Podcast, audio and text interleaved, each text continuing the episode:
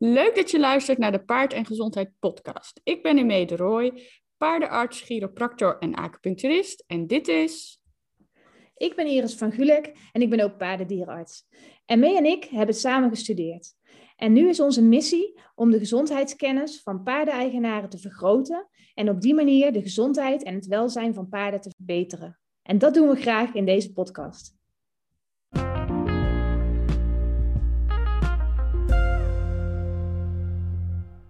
We gaan uh, vandaag het hebben over een dagje uit ons leven. Ja, lijkt me een heel goed idee. En jij moet misschien even teruggrijpen naar een dagje uit je vorige leven. Ja, precies, dat denk ik. Ja, want mijn uh, leven nu, en de mensen die echt denken je vorige leven, nee, ik geloof niet in reïncarnatie, dat bedoel ik niet.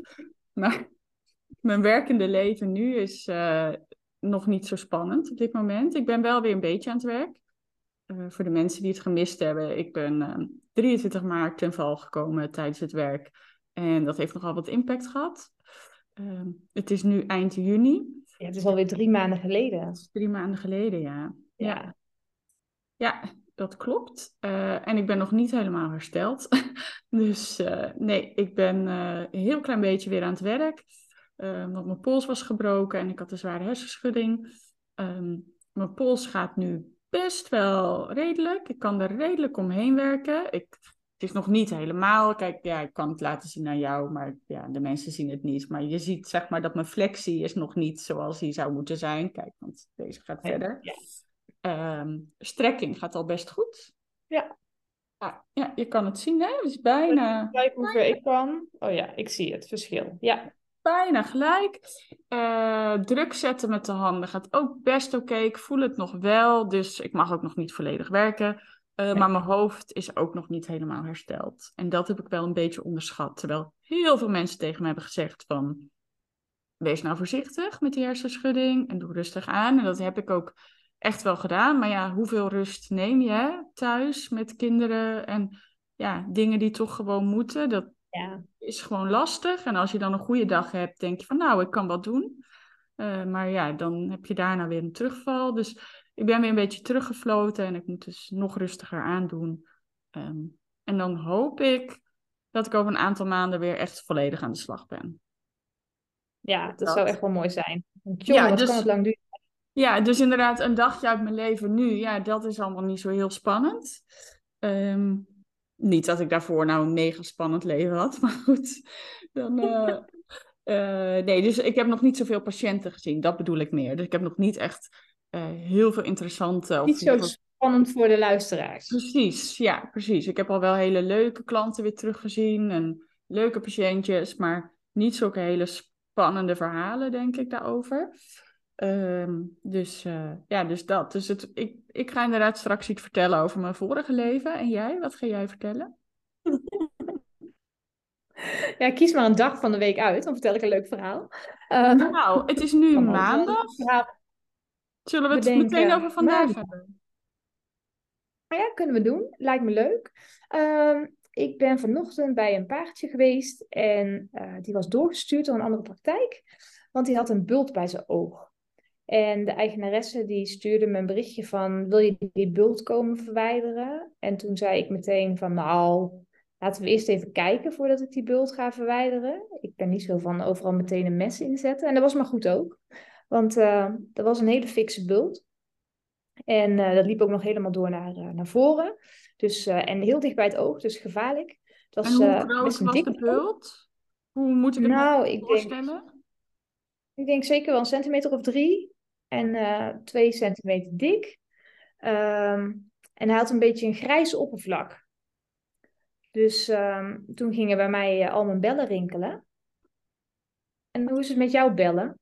Met mijn bellen? Ja, nee, ik, volgens mij is dat geen uitdrukking. Al mijn bellen gingen rinkelen. Dat is waarom ik nou moet lachen. Maar dit is heel flauw. Volgens mij zeg je dan, toen gingen er alarmbellen rinkelen. Maar niet al mijn bellen. Dat is toch mooi? Dan kunnen we ja. als luisteraars weer lachen. Dit is echt... Oh, dit is heel flauw. Sorry, sorry luisteraars. Um, maar uh, ja, nee, ik ben dus inderdaad wel benieuwd. Want wat, waar denk je aan bij een grijs oppervlak van zo'n bult? Ik denk dan aan iets waar we al een keer eerder een aflevering over hebben opgenomen. Maar... Ja, dat Ja. klopt. Daar dacht ik ook aan. Ehm, dus laten we misschien ook noemen waar we aan denken. Ehm, ik dacht dat het misschien een sarcoïd kon zijn. En daar hebben we inderdaad aflevering 58 over opgenomen. En eh, die was samen met Hanneke, hè? Ja, samen met Hanneke Hermans. Ja, Ja, ook eh, collega dierenarts en vriendinnetje. Ja. Ehm, en specialist eh, chirurgie en, eh, en in eh oogheelkunde. Dus ehm, als je hier meer over wil weten, dan moet je zeker die aflevering even luisteren. Ja. Maar een sarcoïd is eigenlijk een ja, goedaardige tumor bij een paard. En die kunnen op heel veel verschillende plekken zitten en er ook verschillend uitzien. En ik weet ook nog niet zeker of dit een, een sarcoïd is. Het nadeel is, als je een sarcoïd hebt en je gaat erin snijden, dan kan het dat hij daarna veel harder gaat groeien. Ja. Daar heb ik deze eigenaar ook voor eh, gewaarschuwd. Ik zei, we moeten eerst weten wat het is. Ehm, en sarcoïd, die kun je testen met een swab. Dat betekent dat je met een wattenstaafje eroverheen gaat en dan cellen eraf neemt en dan ga je kijken of er een bepaald virus aanwezig is. En dat heb ik nu gedaan. Dus ik heb niet eh, meteen gesneden, daar was het ook veel te eng voor qua locatie. Maar laten we eerst even gaan testen wat het nou precies is. Ja. Eh, en als we dat weten, dan kunnen we daarna een behandelplan opstellen. Want voor sarcoïden zijn er, en dat zullen mensen ook kunnen luisteren in die eh, aflevering, echt verschillende mogelijkheden om te behandelen. ja. ja, er zijn verschillende types sarcoïden. En Ja. inderdaad ook verschillende behandelmogelijkheden. En ook afhankelijk van de locatie eh, kijk je dan wat verstandig is om te doen en wat er haalbaar is. Dus Ja. luister dat zeker terug. Maar goed, dat was dan wel een interessant begin van de dag. Ja, was een, eh, een mooie patiënt inderdaad. Ja, precies. Ja. En heb je nog meer interessante patiënten gezien? Ehm, ja, altijd. Eh, Ja, Maar we hadden het over maandag. Ik weet niet of je er vandaag... We, we gingen het over een dagje hebben, hè? Dus... Ja, één dagje. Eh, ik heb een oogpatiënt gezien. Hm, Ehm, ik vind oogjes heel eh, interessant en leuk. En ehm, een oogpatiënt eh, in de spoed heb ik die gezien. Want de eigenaresse belde dat het oog eh, helemaal dicht zat en heel dik was. En dat er ook allemaal schuim uitkwam. En toen ze dat zei, zei ik, hmm, dit klinkt echt niet goed. Nee. Laten we snel kijken. En ik vind sowieso dat je bij alle oogjes eh, snel moet kijken, want eh, het kan heel snel eh, achteruit gaan. We hebben ook een aflevering over oogproblemen. Ja, nummertje 39. hey, heel goed.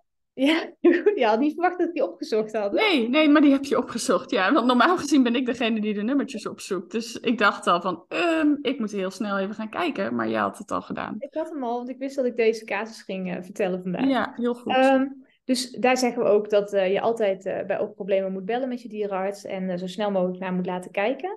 Ehm, en wat we dan doen is eerst kijken met een lampje. Dat heb ik bij dit paard ook gedaan. Nou, het oog zat heel flink dicht en ik mocht er ook niet aankomen. Dus ik heb hem eerst gestudeerd, dat hij eh, lekker rustig was en dat ik goed kon kijken. Toen dat oog ook uitgespoeld, want er zat inderdaad heel veel pus in, maar ook echt schuim.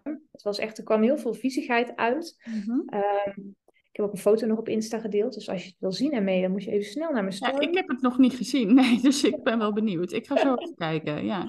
En ehm, misschien ben je nu te laat. Nee, Oh, ik wil kijken. Ik zal hem, eh, ik zal hem nog delen. graag. Maar in ieder geval ehm, had hij dus eh, veel schuim. Heb ik uitgespoeld. Kon ik ook met een lampje goed kijken of er verder nog iets te zien was aan het horenvlies of aan de pupil of iets anders. Eh, zag ik niks raars aan. Toen heb ik hem aangekleurd met fluorescine. Dat is de vloeistof om te kijken of er beschadigingen zijn van het horenvlies. Nou, die waren er ook niet.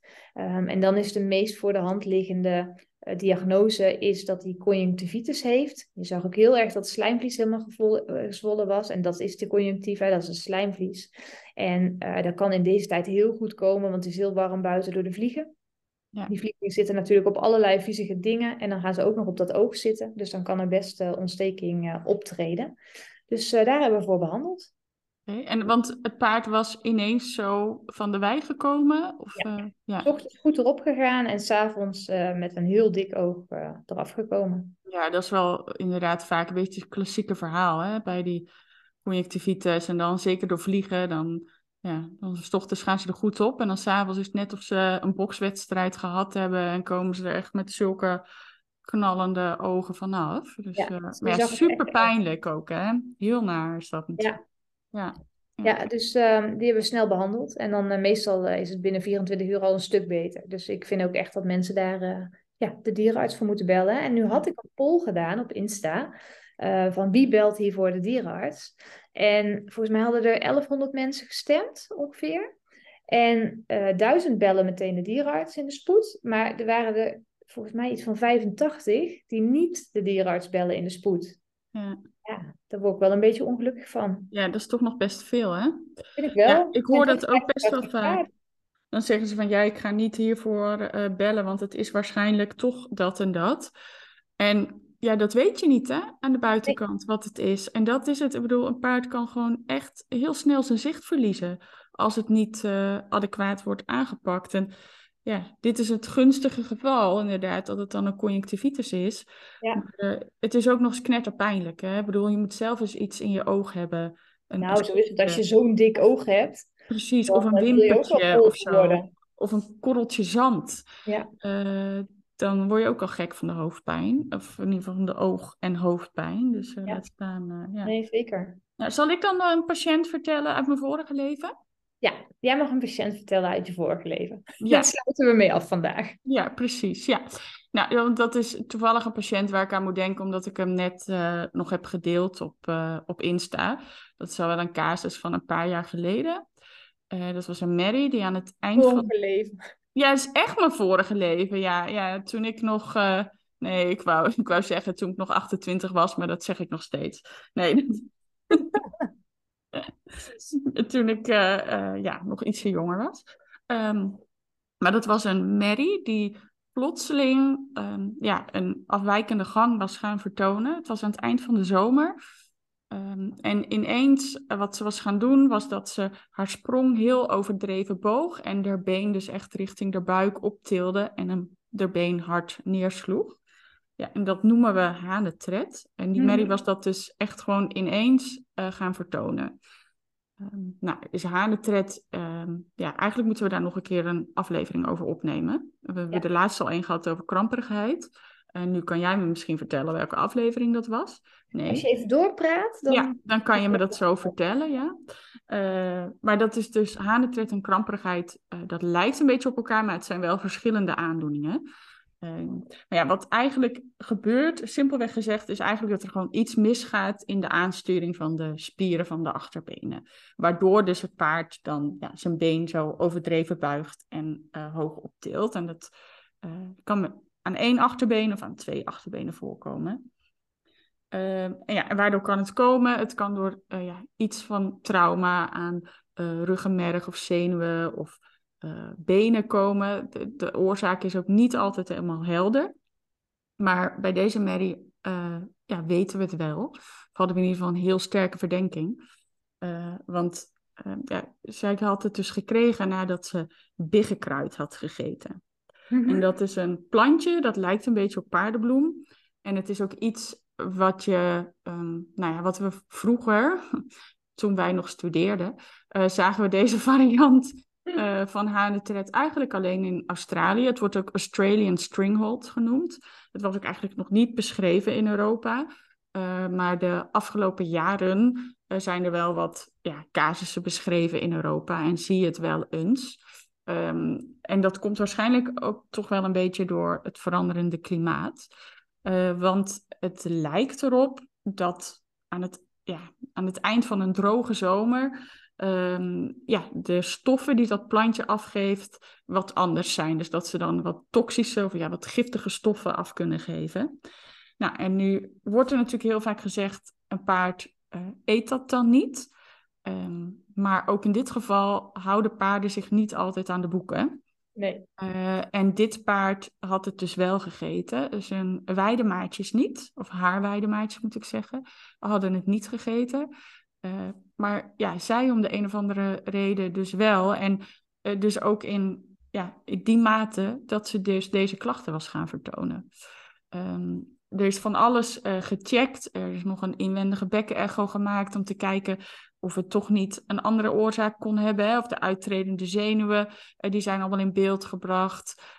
Die dus zeg maar uittreden um, ja, bij het heiligbeen en bij de, de, ja, ik ben het aan het uitleggen, dan hoop ik dat mensen begrijpen uh, wat ik bedoel.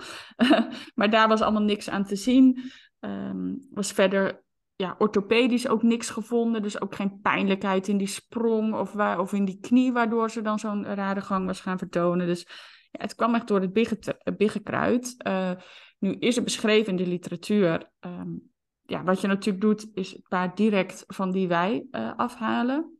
Heel verstandig. Ja, dat is. En ehm, in sommige gevallen gaan de klachten dan binnen een paar dagen weg. Eh, in de lit- literatuur is beschreven dat het, nou ja, gemiddeld zo'n zes maanden soms kan duren tot 18 maanden. Eh, en bij deze merrie heeft het ook ja, ruim anderhalf jaar geduurd. Eh, en het is wel overgegaan. We hebben in het begin hebben we nog behandeld met een medicijn, dat, een humaan medicijn, dus voor mensen, wat gebruikt wordt ook wel bij epilepsie. Eh, dat heeft op het moment zeg maar, dat we het gaven, had dat een heel goed effect. Eh, dan was de spierspanning in die benen was normaal en dan had ze eigenlijk een goede gang. Eh, maar bij het stoppen van de medicatie kwamen de klachten eigenlijk, nou ja, bijna harder terug. Dus Oh, vervelend. eh, ja, dus dat was heel vervelend. Eh, wat de eigenaren gedaan hebben, zijn de leefomstandigheden eigenlijk zo optimaal mogelijk gemaakt. Eh, want die Mary, het was niet pijnlijk. Eh, ze was verder vrolijk. Ehm, ze vertoonde absoluut geen pijn. eh, maar ze werd wel wat onzeker van die gang. Dus ze hebben een, ja, eigenlijk een soort van grote overkapping gemaakt. Waardoor ze continu buiten kon zijn. Ook geen korte draai hoefde te maken. Ehm, ja, en ze hebben er gewoon heel veel tijd gegeven. Ik heb er in de tussentijd nog wel een paar keer gezien.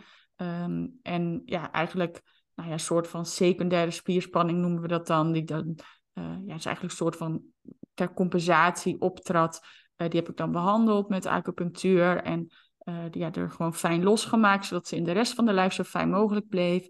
Maar eigenlijk heeft de tijd heeft het ja, opgelost bij die merrie. En uiteindelijk is die Amazone heeft er ook nog weer kunnen rijden. Oh, Maar dat heeft dus wel heel veel tijd gekost. Ik denk dat dat een jaar of twee was voordat ze er weer op zat.